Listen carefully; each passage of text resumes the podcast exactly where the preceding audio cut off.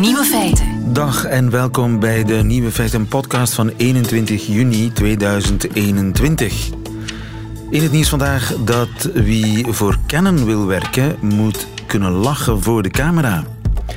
Een van de Chinese kantoren van Canon is namelijk overgeschakeld op lachherkenning. Werknemers die toegang willen tot bepaalde kantoorruimtes, die moeten dus hun beste glimlach tevoorschijn toveren. En pas als het systeem de lach goedkeurt, mag de persoon binnen. Het Chinese filiaal wil hiermee de sfeer op de werkvloer verbeteren. Top idee. Meteen invoeren in alle ministeries. De andere nieuwe feiten vandaag. Allerlei voedingsproducten zullen door het grondstoffentekort wellicht in prijs stijgen. Franse voetbalfans zijn ervan overtuigd dat de Belgen niet met de beker naar huis zullen gaan, maar met een pak frustratie. De belangrijkste uitvinding ooit is de mand. En 10% van de werknemers is bereid om een flinke loonsverhoging te missen als hij maar niet moet samenwerken met allochtonen. De nieuwe feiten van Nico Dijkshoorn hoort u in zijn middagjournaal. Veel plezier.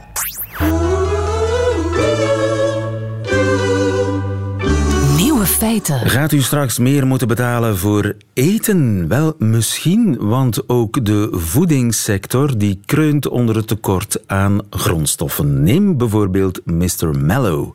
Dat is een bedrijf in Wetteren dat marshmallows maakt voor de hele wereld en dat voorlopig nog draait. Maar de vraag is, hoe lang nog? Bart de Snieder, goedemiddag Goedemiddag, lieve. van uh, Mr. Mellow in uh, Wetteren. De machines draaien nog op volle toeren, maar de vraag is hoe lang nog? Raak je nog aan suiker? Wij geraken voorlopig nog aan suiker als we er genoeg voor betalen. Wij hebben uh, ja, tekorten in, aan suiker, vooral ook uh, tarweproducten zoals uh, glucose, stroop en dextrose. Gelatine is ook een probleem. Um, het, is, het, ziet er eigenlijk niet zo goed uit. Uh, is er iets waar, waar geen tekort aan is? Uh, op dit moment, uh, nee, wij hebben geen tekort aan orders. Dat hebben we niet. geen tekort aan orders, dus de vraag is nog altijd groot en groeit misschien nog. Maar kun je bijvoorbeeld nog verpakken?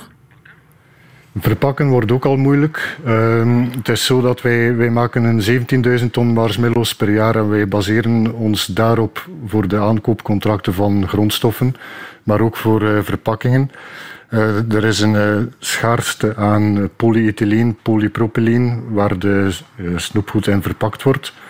Er is een schaarste aan karton, er is zelfs een schaarste aan houten pallets. Paletten? Om, om, om al die ja. marshmallows op te stapelen. Zelfs dat is er tekort. Ja, zelfs dat is er tekort. En, uh, ja, stijgende vraag, uh, lage beschikbaarheid. We hebben nu een verdubbeling van de, van de prijs van de houten pallets. Als we ze kunnen kopen. Ja. Dus, uh, ben je nog met iets anders bezig?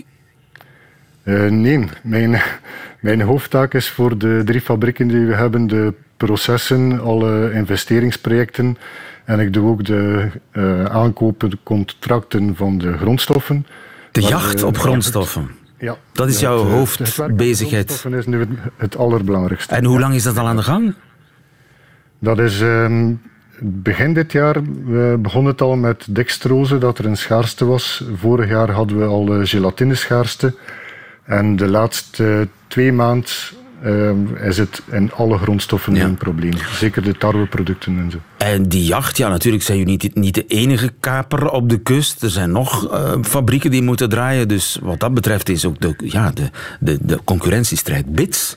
Veronderstel ik. Inderdaad, ja. De, de, con, de consumptie is heel sterk gestegen. Wij hebben ook veel meer orders dan we konden inschatten.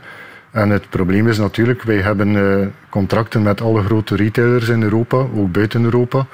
Die contracten moeten wij nakomen. En de prijzen die we betalen voor de grondstoffen en verpakkingen zijn voor. De beschikbaarheid is lager, dus moeten we andere klanten opschuiven, soms zelfs niet beleveren. Ja. Um, ja, het is echt een probleem. Dus jullie kunnen soms zelfs niet leveren. Uh, de prijs is natuurlijk ook een probleem. Als de grondstoffen alsmaar duurder worden, ja, vroeg of laat zal ik dat toch als consument moeten betalen. Dat, uh, dat zit er nu al aan te komen. Op dit moment uh, zijn er aan de tarweproducten, bijvoorbeeld in ontbijtgranen en zo, uh, zijn er nu al prijsstijgingen van 30% naar de consument. Dus uh, alles dat vlees is, zit ook al boven de 20% uh, stijging. Het, het, we gaan het voelen in de portemonnee. We gaan het voelen in de portemonnee. Blijf even hangen, want ik ga naar Koen Schoors. Goedemiddag, Koen. Goedemiddag. Je bent econoom aan de Universiteit van Gent. Dat is toch vreemd, hè? Die economie die is nog aan het bekomen van de klap corona. Er is nog geen sprake van een economie die oververhit is. En toch is er al een tekort aan van alles. Hoe kan dat? Ja, het is, het is eigenlijk best wel eh, logisch, omwille van drie redenen eigenlijk. De eerste reden is, ja, toen corona toesloeg, hebben heel veel producenten dingen teruggeschroefd, investeringen niet gedaan, uitgesteld omdat we hadden verwacht dat uh, de coronacrisis uh, vrij lang zou duren. Aha, dus maar de, producenten, waren... de producenten ook van die grondstoffen? Ja, de producenten van die grondstoffen en ook hun uh, leveranciers hebben productie teruggeschroefd, omdat ze dachten van oké, dat wordt een lange crisis, maar de vaccins waren er vrij snel. Dus plots leeft de economie sterk op en vroeger en sterker dan gedacht. Aha. En wat gebeurt er dan? Je ziet, oei, oei, de vraag is heel hoog, dus ik ga niet alleen opnieuw opstarten, ik moet mijn productie ook verhogen. Maar als je productie verhoogt, produceer je een tijdje eigenlijk minder de eerste tijd. Dus dat is wat we nu zien, dat er in de hele uh, Als je je productie uh, verhoogt, produceer je eerst minder. Hoe kan dat? Ja, want je moet even een tijdje je lijn stilzetten om, om een bij te plaatsen, zeg maar. Hè. En om productiecapaciteit te verhogen, heb je eerst een aantal transactiekosten. Dus dat is uh, een probleem. Een tweede groot probleem is de kost van transport. Door corona uh, het eerste jaar hebben een aantal grote shippingbedrijven hebben die gezegd van oké, ik ga geen nieuwe schepen bestellen of zelfs een aantal oude schepen wegdoen, waardoor dan nu de prijs voor transport, zowel maritiem, over zee of uh, luchtvaart, maar ook drukkers uh, enorm gestegen zijn. Gewoon dat de capaciteit is gedaald en nu is de vraag plots gestegen. En de derde oorzaak is dan een plotse vraagstijging. Ik denk dat dat voor voeding dat dan tijdelijke vraagstijging is, maar langs de andere kant ook structurele vraagstijging. Bijvoorbeeld denk aan de vraag naar batterijen en alle zeldzame metalen. Denk aan meer belang voor uh, duurzame bouwtechnieken en dus een hogere vraag naar hout. Ja. Dat zijn dingen die zullen blijven. En natuurlijk al die dingen concurreren voor uh, dezelfde transportinfrastructuur hè, en voor dezelfde productie. Dus omwille van die drie redenen uh, zal je nu inderdaad wel een stijging van de prijzen zien. Ja, en een deel van die, prijs, van die prijsstijging zal verdwijnen wel. Ik ja. denk dat die transportcapaciteit komt terug die productiecapaciteit komt terug en dat zal gemakkelijk anderhalf, twee jaar, misschien drie jaar duren, maar dan stabiliseert zich dat. Maar die structurele verandering, als mensen effectief meer bepaalde metaal, meer hout blijven willen, door een structurele verandering in de economie, daar zullen de prijzen ja. uh, hoog van blijven een tijdje. Dat is dan hout en metalen voor heel specifieke producten. Maar ik schrik ervan dat je zegt twee tot drie jaar, want ik kan me voorstellen, ja, uh, transport, dat dat op dit moment een beetje mank loopt, omdat die containers staan allemaal op verschillende plaatsen. Doordat die, die bloedsomloop van die containers over de hele wereld, dat, die, is, ja, die is gestokt door corona. Dus dat duurt een tijdje voor alles weer normaal draait. Zoals als er een, een treinongeluk is gebeurd, dat het hele net overhoop ligt. Maar twee, drie jaar is lang, hè? Ja, maar we zijn natuurlijk al een jaartje bezig van die twee, drie jaar. Maar uh, de voornaamste reden is, een schip bouw je niet zomaar. Um, dus wat is er gebeurd? Een hans aantal uh, vrachtschepen zijn niet gebouwd. Die, en die, die, waren gepland en zijn niet gebouwd. En een aantal anderen zijn er op pensioen gestuurd. Dus heb je daar nu een tekort. En natuurlijk zijn ze nu wel extra schepen aan het bouwen. Maar die heb je niet morgen, natuurlijk een tijdje. En hetzelfde geldt eigenlijk voor uh, transport over de lucht. De vraag is ook natuurlijk hoezeer we dat willen. En de vraag is ook van... Uh, in termen van uh, milieukost zal dat niet in de toekomst zwaarder belast worden met emissierechten enzovoort. Ja. Het zal sowieso wel duurder worden in de toekomst, maar nu hebben we ook gewoon een tekort aan uh, transportschepen en transportvliegtuigen. En dat, dat kan je wel oplossen, maar niet, dat soort dingen vragen tijd. Dus heel dat systeem is nu niet gecoördineerd. Ja. De, en, en gooi daar nog eens de brexit bovenop, dat is natuurlijk, helpt ook niet. De brexit heeft niet geholpen, maar in termen van tekorten aan suiker is dat niet zo'n probleem, want dat, eh, we gaan dat uh, minder exporteren naar Groot-Brittannië en daardoor meer voor onze eigen markt uh, houden. Dus in termen van een specifiek probleem waar uh, die meneer over sprak, zal de brexit volgens mij geen probleem zijn. Ja. Nu, uh, grotendeels een voorbijgaande hiccup in de, in de economie als uh, ja, een soort gevolg van de coronacrisis, toch twee, drie jaar. Zal dat duren? hoe zeer gaan de prijzen aan de kassa in de supermarkt omhoog? En in de doe-het-zelfmarkt en in de verbouwingen? Ah, wel, de, de, prijzen zijn al gestegen en zullen nog een tijdje stijgen. Maar er is een verschil tussen uh, inflatie en relatieve prijsstijgingen. Dus voor die producten waarvoor dat de ketting, de aanvoerketting verstoord is, zullen we inderdaad prijsstijgingen zien. Uh, maar voor andere, wat dat niet zo is, zullen we misschien prijsdaling zien vrij snel. Dus ik verwacht dat dat een tijdje zal duren, maar dan zal het aanbod reageren, dat is al volop bezig, en dan zal dat een nieuw evenwicht vinden. Dus ik verwacht geen permanente eh, prijsstijging, want dat is dan inflatie. Ik verwacht wel een hiccup, dus een eenmalige stijging van de prijzen die dan later weer een beetje daalt. Ja. Je ziet niet dat de vleesprijzen en de houtprijzen uh, hout is nog te zien dat de suikerprijzen nu stijgen en dan ten eeuwige dagen hoog zullen blijven. Die prijs fluctueert altijd. Je ziet ook dat de suikervoorraden een beetje laag zijn door uh, eventueel uh, iets te weinig productie in vergelijking met de vraag. De, de, de bevoorrading loopt moeilijk. Dus, maar al die dingen natuurlijk, uh, mensen reageren op prijzen. Hè. Als de suikerprijs heel hoog is, wat gaat er gebeuren? Er zal meer suiker geproduceerd worden. Dat duurt weer een tijdje. Want je moet dan weer het suikerriet planten of de suiker bieden. Maar iemand dat dat allemaal gebeurd is, stijgt de, de productie, dus de voorraad, en dan zakken die prijzen weer. Het is van dat tot blijvende stijging zal leiden, maar wel tijdelijke stijging. Tijdelijke problemen, Bart Snieder, in Wetteren bij uh, Mr. Mellow. Uh, ben je enigszins gerustgesteld? Nee, nog niet helemaal, maar ik denk, ik denk uh, wij, zijn, wij zijn een gezond bedrijf dat wel tegen een duwtje kan. Maar ik denk dat er toch veel collega's in de problemen gaan komen door de onverwachte en zeer hoge stijging. Um, waar daar contracten tegenover staan met de retailers die dat niet dekken. Uh, ja. ja. Het zal nog een tijdje duren, vrees ik. Uh, Daar zullen misschien wel slachtoffers bij vallen. Het worden nog uh, moeilijke maanden in de voedingssector ook. Dankjewel uh, Bart de Snieder en dankjewel ook professor Schoors. Goedemiddag. Graag gedaan. Nieuwe feiten. Coucou de France. Met Alex Visorek. Ondanks eh, de regenval toch het zonnetje in huis. Alex Visorek, mijn collega bij France Inter. En onze landgenoot die voor ons de situatie in Frankrijk scherp in de gaten houdt. Goedemiddag, Alex.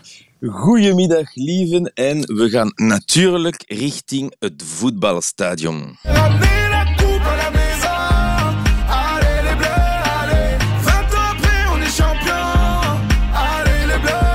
Allez les bleus, allez, breng die beker maar naar huis. Ja, dat was het officieel liedje uh, van Les Bleus. Uh, dat hielp uh, hen het WK te winnen in 2018. Twintig jaar na hun eerste wereldtitel. 12 juli 98. Een datum die in de Franse geschiedenisboeken blijft staan. Toen kon de commentator Thierry Roland zijn emotie niet verbergen. Je crois qu'après avoir vu ça, on peut mourir tranquille. Enfin, le plus tard possible, mais on peut. Ah, c'est superbe. Va... Quel pied Ah, quel pied Oh putain! De grote gevoelens. nu we dat hebben gezien, kunnen we rustig ja. sterven. Allee, zo laat mogelijk toch. Maar kom. Ja, en, putain zullen we niet vertalen. uh, je kent de rest. Wereldkampioen in 98, Europees kampioen in 2000, wereldkampioen in 2018. Allemaal prestatie die bijdragen aan de natuurlijke bescheidenheid van de Fransen. Uiteraard. De Fransen dit jaar de competitie met veel ambitie starten, is natuurlijk een eufemisme. Ze waren zeker dat ze kampioen zouden worden voordat ze tegen Hongarije speelden dit weekend. Maar één ding waarmee ze meer verdeeld zijn, is de selectie van de spelers. De woorden van president Macron vatten het goed samen. Il y a deux fonctions terribles. C'est président de la République et sélectionneur de l'équipe de France. Parce qu'il y a 68 millions de personnes qui sont convaincues qu'elles avaient une meilleure sélection en tête ou des meilleures, des meilleures idées. Ja, de twee moeilijkste jobs ter wereld zijn president van Frankrijk en coach van de Franse nationale ploeg. Want er zijn 68 miljoen Fransen die denken dat ze het beter kunnen. En dat is het. De discussie ging dit jaar meer bepaald over één speler, Karim Benzema. Een speler met een groot ego. Uh, ik bedoel, zelfs de Fransen denken dat hij een groot ego heeft. Uh, en terecht, hij is de beste Franse speler, een van de beste schoorders van Real Madrid, maar toch afwezig in de nationale ploeg sinds 2015. En niet omdat hij gewond was of zo. Hij werd gewoon geboycott door de nationale coach Didier Deschamps in een zaak van seks, politiek en voetbal. Aha. De drie pijlers van de cafépraatjes. In 2015 zou Benzema een eh, van zijn ploegmaten, Mathieu Valbuena, gechanteerd hebben met beeldmateriaal, namelijk een sekstape van Valbuena, dat een afperser bedreigde te verspreiden. Een paar maanden voor Euro 2016 eh, mocht hij weer met Les Bleus spelen, maar Didier Deschamps wilde hem niet. Hij werd een van de, het, het werd een van de spannendste thema's van de Franse voetbal de laatste jaren. Zou Karim Benzema in de Franse ploeg nog mogen spelen of niet? Iedereen had een mening daarover, zelfs eerste minister van toen, Manuel Valls. Et donc ce sportif, ça vaut pour Karim Benzema, ça vaut pour d'autres, doit être exemplaire. Et s'il n'est pas exemplaire, il n'a pas sa place, bien sûr, dans l'équipe de France. Là, on porte euh, le maillot bleu et euh, on porte fièrement euh, les couleurs de la France. Aha, een sporter moet een voorbeeld zijn. En als je geen voorbeeld bent, dan uh, weg met die maillot bleu. Dan heb je geen plaats in de Franse ploeg? Zo zit dat volgens de premier. Ja, dat is het. Maar voor Benzema zelfs was er een andere reden waarover hij eh, niet geselecteerd was misschien. Le sélectionneur national aurait selon lui cédé à une partie raciste de l'opinion euh, française. Oké, okay, de, de coach zou naar een racistisch deel van de Franse opinie hebben geluisterd. Ja, dat zei Benzema toen. Uh, en daarmee bedoelt hij onder andere alle sympathisanten van Le Rassemblement National, extreem rechts, die denken dat hij mag geselecteerd worden, maar dan voor de ploeg van Algerije, want Benzema heeft de dubbele nationaliteit. En hoe zit het? Dus, Zal hij spelen of niet spelen? Speelt hij? Ja, hij speelt nu ah, ja, tuurlijk. Frankrijk. Ah ja, u, u bent uh, niet Sorry, sorry ik, ik, val hier door de mand. nee, hij, hij speelt. Oké, okay. nee, nee. Ja, ja, sorry, sorry. weken geleden uh, beeld je de sensatie eind mei als coach Didier Deschamps liet weten dat Karim Benzema na zes jaar afwezigheid het EK zou spelen. Of ik zeg spelen, maar in Frankrijk denken ze eigenlijk winnen. Aha. En daarover is er geen twijfel. En omdat ik een Belg ben die in Frankrijk werkt, word ik dat dagelijks herhaald. Want ja, ik kan het niet over Les Bleus hebben zonder de spanning tussen onze twee landen te bespreken. Een spanning die ontstaat is met de halve finale van het laatste WK. En niet alleen maar op het veld, eigenlijk vooral tijdens de interviews van Eden Hazard en Thibaut Courtois na de uitschakeling van de Rode Duivels door de Fransen. Vous avez la, la, sensation que cette équipe de France est, était supérieure à vous ou pas ce soir? Non, pas du tout. Bah, je ne dirais pas que l'équipe en face était meilleure que nous. L'équipe en face euh, a bien défendu avec 11 euh, à 35 mètres du but. Oh là là, ze waren helemaal niet beter die Fransen. Ze zijn gewoon met z'n nee. elfen voor de doel gaan staan. Ja, en wij verdienen het om te winnen, zegt hij. We hebben beter gespeeld. We hadden het balbezit. Dat kon je horen van onze Belgen. En in Frankrijk waren die reacties uitgelachen met één woord: le seum. Le seum. Het is le seum. Het is een synoniem uh, in straattaal voor frustratie. Les Belges ont le seum. Het is toen zo populair geweest dat mensen op Twitter stopten uh, om het woord seum te schrijven. Die werd gewoon vervangen door een icoontje van onze Belgische vlag. Het liedje Ramener la coupe à la maison kreeg zelfs zijn eigen parodie. Ramener le seum à la maison. Oei, oei. Allez les Belges, allez, 60% de possession. Ja, niet naar huis met een beker, maar wel met le ja. de frustratie. Allee, les Belges, 60% balbezit. Ja, en hoe ziet het drie uh, uh, jaar later, na die match? wel, na hun eerste wedstrijd verklaarde Thomas Meunier dat uh, niemand België zou kunnen stoppen. En hier was de reacties van Franse journalisten. Ils, sont, non, mais ils sont amusants quand même, ces Belges. Hein. Ah, ben non, j'ai l'impression qu'ils l'ont. Non, j'ai l'impression qu'il est encore là, un peu. Parle beaucoup, parle beaucoup, parle beaucoup, ces Belges. Hmm non, mais c'est bizarre. Ils vont rentrer chez eux, ils vont manger des frites. boulard, quoi. Ja. Ze praten veel, die Belgen grappig, maar ze zullen vlug naar huis gaan om frietjes te eten. Dat is zo ongeveer samengevat de reactie van de Franse journalisten op onze ambities. Heel goed samengevat, lieven. En je hoort uh, het uh, niet zo goed, zegt iemand. Ils ont le boulard. Ze hebben een dikke nek. En de Fransen weten zeker waarover ze spreken. Voilà. Zal Benzema de Fransen helpen winnen? Of zullen de Fransen vlug terug naar huis gaan om een baguette te eten? Wij zullen het zien. Maar ik reken er wel op om in september je terug te vinden met een Europese titel voor de Rode Duivels. Zou dat niet het geval zijn, denk dan maar aan de moeilijke zomer die ik hier als Belg in Frankrijk zal moeten doorbrengen. Ja, extra spannend is het voor eh, Alex Visorek in uh, Parijs, in Frankrijk, die vurig hoopt dat de Belgen, dat de Belgen winnen, want anders is hij de pineut met de sum zal hij uitgelachen worden. Dankjewel Alex voor deze update vanuit ja. Frankrijk. En we horen elkaar snel, zeker na de zomer. Ik hoop het. Ja, mag ik mijn co-schrijfster bedanken voor dit ganse jaar. Uh, Julien de Marche en zijn vrouw die Nederlandstalig. En ook een deel van uh, zijn schoonfamilie die ons corrigeert okay. elke week voor op VRT goed te spreken. Oh, voilà. Bij deze is dat gebeurd. Dankjewel Alex. Ja. Tot snel. Altijd benieuwd. Nieuwe feiten. Wat is de belangrijkste uitvinding ooit? Ja, goede vraag. De radio misschien? Of de fiets? Zou kunnen. Orval, zegt iemand. De eclair, deodorant. Allemaal heel goed geprobeerd. Allemaal fout, want misschien wel de belangrijkste uitvinding ooit dat is de kabas, de draagtas.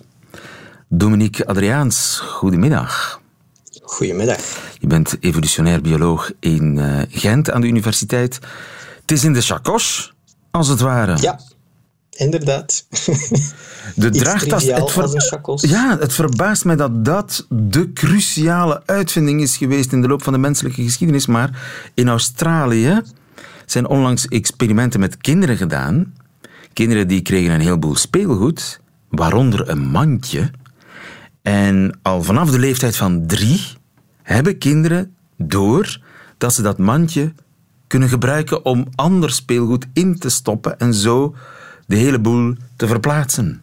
Ja, ja, inderdaad. En dat zet ons aan het denken. En dat neemt toe naarmate dat ze ouder worden. Hè, want het was maar 24% van die driejarigen die echt zag van ah, mocht ik nu eens dat mandje gebruiken, dan gaat het sneller en efficiënter gaan. En het aantal kinderen die dat inzien neemt al snel toe. Bij zevenjarigen was het al 80% van hen die zag van ah, ik moet dat mandje gebruiken. En dat zet de wetenschappers aan het denken, want misschien is de mand het begin van alles geweest. Ja, en, en er zelf sta je daar helemaal niet bij stil hoe essentieel dat dat is, alhoewel dat dat zo heel eenvoudig lijkt. Maar um, als je eens bedenkt van, als het zo eenvoudig zou zijn, waarom wordt het dan niet gebruikt in de natuur door andere dieren? En dat is wat het nu zo speciaal maakt. Als je kijkt naar andere dieren, er zijn veel dieren die werktuigen in een of andere manier gebruiken, maar er zijn quasi geen andere waar men, uh, of toch zeker niet waar men systematisch kan uh, waarnemen dat die iets een container gaan gebruiken om iets in te stoppen om het te gaan verplaatsen. En dat is dus eigenlijk wel uniek aan de mens. Er is nog nooit een dier met een chakos gesignaleerd. Met de chakos niet wel. Ze gebruiken bijvoorbeeld chimpansees. Daarvan is geweten dat ze op bladeren wat gaan kauwen om die dan als een soort spons te gebruiken om water op te zuigen. Maar ze gaan niet bijvoorbeeld bladeren gaan gebruiken om daar water of iets anders in te steken, om het dan te gaan verplaatsen naar een andere locatie, om daar dan wat ze daarin hebben gestoken te gaan gebruiken. Aha. Dus ze hebben wel werktuigen, dieren. Sommige dieren doen aan landbouw. Ze hebben cultuur, modes, dialecten. Ze kunnen samenwerken. Maar ze hebben geen draagmand. Nee, dat is inderdaad uh, speciaal. En blijkbaar zit dat dus al heel vroeg ingebakken bij de mens, hè, van jonge leeftijd, dat men daar het, het nut van inziet van zo een, een, draagtas te gaan gebruiken. En dat, biedt ook een aantal evolutionaire voordelen. Hè? Want als je dat gaat bekijken, oké, waarom is dat dan zo belangrijk geweest in de loop van onze evolutie? Wel, het voordeel is dat het toelaat om je handen te gaan vrijhouden, terwijl dat je toch nuttige zaken kan meetransporteren, zodanig dat je ze niet op het moment zelf moet gebruiken, want anders moet je het meesleuren en heb je je handen niet vrij.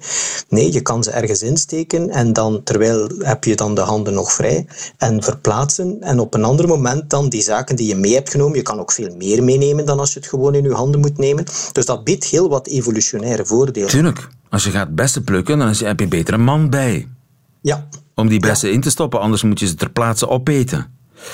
Ja, inderdaad. Hebben we enig idee hoe oud de mand is?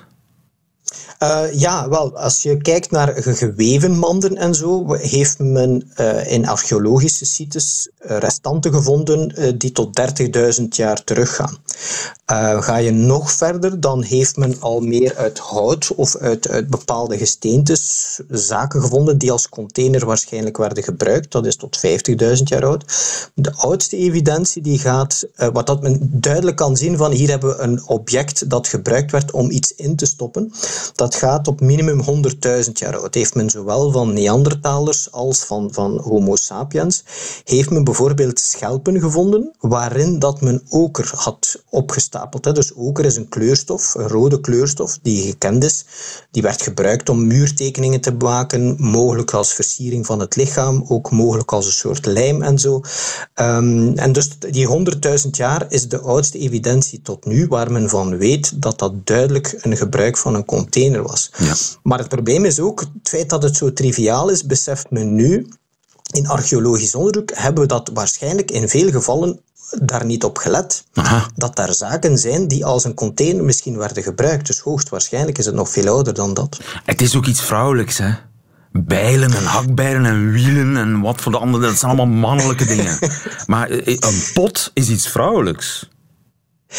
Ja, we gaan dat nu misschien uh, in bepaalde contexten daarmee gaan associëren, maar... maar is het, bedoel, het is iets huiselijks, het is iets, het is iets waar je voedsel in bewaart. Het, het, misschien was het voornamelijk iets... En ook, ja, als je geschiedkundige bent, mannelijke geschiedkundige, dan kijk je met een mannelijke blik naar, naar de prehistorie. Ja, inderdaad. Ja, maar dat is dus inderdaad verkeerd om het zo te gaan zien. Want, want evengoed voor jagers uh, was het, het, of het hebben van een draagtas om wapens in te steken, pijlen en zo, even belangrijk als, als verzamelaars, wat dan eerder de vrouwen waren, die meer de verzamelaars waren van voedsel, uh, die dan het voedsel daarin konden bewaren. Want ja, die Utsi, die ijsman, waarmee is die gevonden? Ja, die had eigenlijk heel wat bij zich. Hè. Dus die is in de, de um, Alpen gevonden, bij Tirol. Die wordt op 3000 tot 5000, afhankelijk van de timing, uh, jaar oud geschat. Dus dat is een Homo sapiens. En die had een pijlenkoker bij zich, waar pijlen ah, voilà. en andere wapens Ook een mand. Die, en ook een mand vanuit uh, de schors van Berk had hij een soort ja, potjes bij zich, uh, die ook werden gebruikt waarschijnlijk om voedsel te gaan transporteren en zo. Ja. Ik moet nu plotseling denken aan die prachtige schilderijen van Morandi hè, uit de jaren 50. Die Italiaanse schilder, die prachtige potten. Die hij altijd... Dus dat krijgt nog een extra betekenis. Niets is zo menselijks als een pot, een mand, een kom, een fles. Het is wat mensen tot mensen maakt. Het is een cruciaal moment geweest in de menselijke geschiedenis. De uitvinding van de mand, die wellicht lang voor de uitvinding van het wiel is gekomen. Hè? Ja, waarschijnlijk, hoogstwaarschijnlijk. Wat zouden we zijn zonder de mand? Het is een uh, nieuw besef. Dankjewel, Dominique Adriaans. Goedemiddag. Altijd benieuwd. Nieuwe feiten. Zou u 10% loonopslag willen? U doet hetzelfde werk en verdient 10% meer. Het enige verschil is, uw collega's hebben overwegend Arabisch klinkende namen. Wat doet u? Aanvaardt u die loonopslag? Of zegt u nee, laat mij maar onder Vlamingen, autochtone Vlamingen werken, die 10% loonopslag hoef ik niet. Die vraag heeft Louis Lippens gesteld. Uh, goedemiddag Louis. Goedemiddag. Je bent doctoraal onderzoeker bij UGent at Work. het is een gedachtenexperiment. Heb die vraag voorgelegd aan uh, studenten. Klopt. Economie en psychologie. En hoeveel procent van de ondervraagden zegt...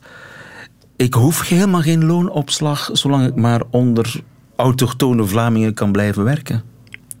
Ja, wel, uh, eh, 10% was, was dus effectief bereid om te zeggen van kijk, um, ik hoef inderdaad geen loonopslag om te kunnen uh, werken met die, die Vlaamse collega's, of tenminste collega's met een Vlaamse naam. Dus 90% doet dat wel? 90% zegt effectief ja. Ik, uh, ik neem dat loonopslag en ik, ik neem de economisch rationele keuze om te zeggen van kijk, um, als ik meer zou verdienen, dan uh, kies ik sowieso voor de, de rationele keuze om, om dan samen te gaan werken met die collega's met een Maghrebijnse naam. Ja, en 10% zegt ik uh, hoef die loonopslag niet zolang ik maar onder uh, witte Vlamingen kan blijven dat doorwerken. Klopt, dat klopt, inderdaad. Ik vind het eigenlijk best weinig. Ja, inderdaad. Um, we spreken hier effectief van, van een kleine minderheid.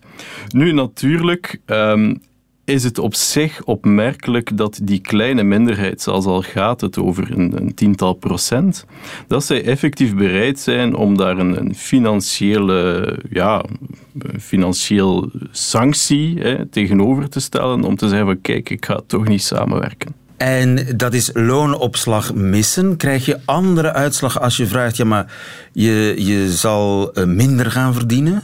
Ja, inderdaad. Um, dus als je zegt van je, je zal minder gaan verdienen, dus als je de nadruk legt op dat verlies, um, dan, zie je, dan zie je dat uh, uh, die discriminatiebereidheid, en we hebben dat natuurlijk gemeten op basis van een, een, een schaal, hè, dus waar, waarbij dat de participanten hun preferentie konden uitdrukken, um, zien we dat die discriminatiebereidheid 9% lager is, wanneer dat in termen van verlies wordt um, ge geïnterpreteerd. Dus mensen missen liever een beloning dan dat ze een straf krijgen?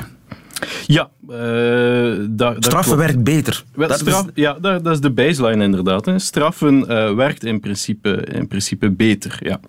En is dat verwonderlijk? Wel, dat is uh, niet zozeer verwonderlijk, hè, omdat we, dat, we hebben dat mechanisme getest, um, maar we zien dat het effectief uh, gekoppeld kan worden aan die voorkeursdiscriminatie.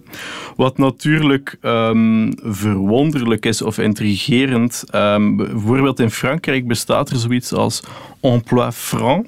Um, en daar, daar komt het eigenlijk op neer dat werkgevers een, een premie kunnen krijgen, een subsidie, uh, tot 5000 euro per jaar per werknemer, als zij een werknemer um, aanwerven uit een, uh, een achtergestelde buurt. En meestal komt dat ook overeen met um, etnische minderheden, Noord-Afrikaanse etnische minderheden. Uh, dat, dat hebben die onderzoekers getest. En eigenlijk op basis van ons onderzoek uh, zou het beter zijn om een financiële sanctie te zetten tegenover discriminatie, dan net te gaan uh, direct subsidiëren van die werkgever die 5000 euro per jaar per werknemer geven. Um, om uh, niet te discrimineren. Dus straffen werkt, als het over discriminatie gaat, werkt straffen beter dan belonen? Ja, zeker als het over voorkeursdiscriminatie gaat. Er zijn wat verschillende mechanismen, economische mechanismen omtrent discriminatie. En die voorkeursdiscriminatie die zoomt heel hard in op het vermijden van contact met etnische minderheden. En dus als het ingegeven is door een bepaalde voorkeur om contact te gaan vermijden, dan werkt straffen inderdaad beter dan belonen. Louis Lippens, dankjewel. Goedemiddag. Nieuwe feiten. Dat waren de nieuwe feiten van 21 juni 2021.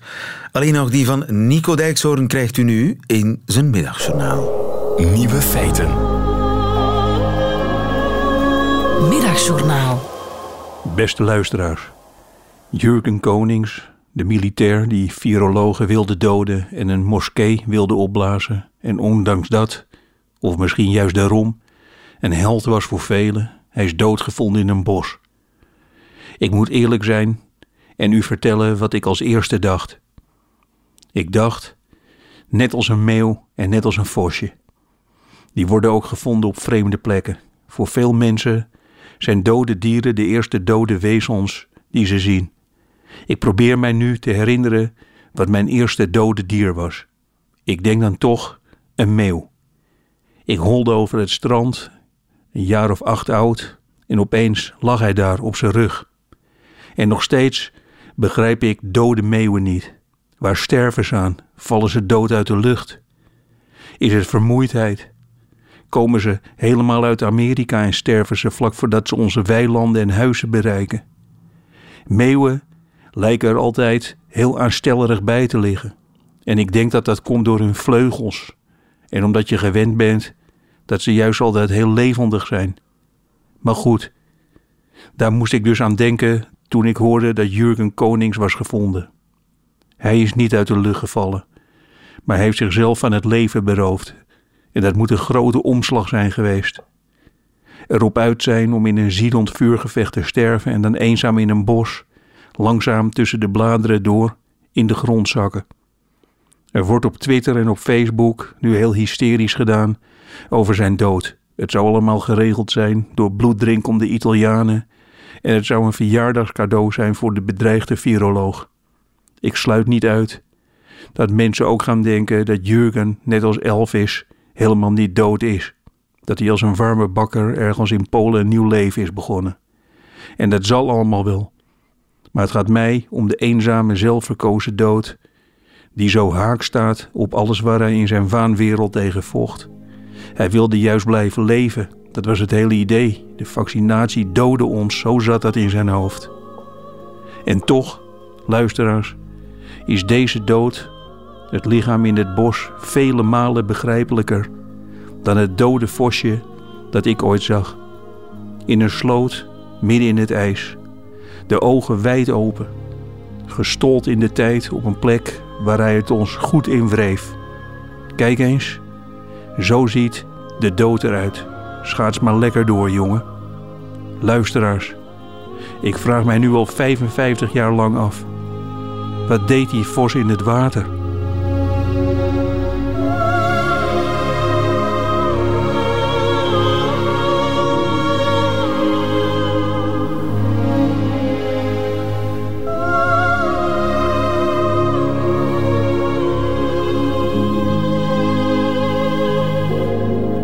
Zit Nico Dijkshoorn in het middagjournaal. Einde van deze podcast. Hoort u liever de volledige nieuwe feiten met de muziek erbij? Dat kan natuurlijk via onze site radio1.be of via onze app. Tot een volgende keer.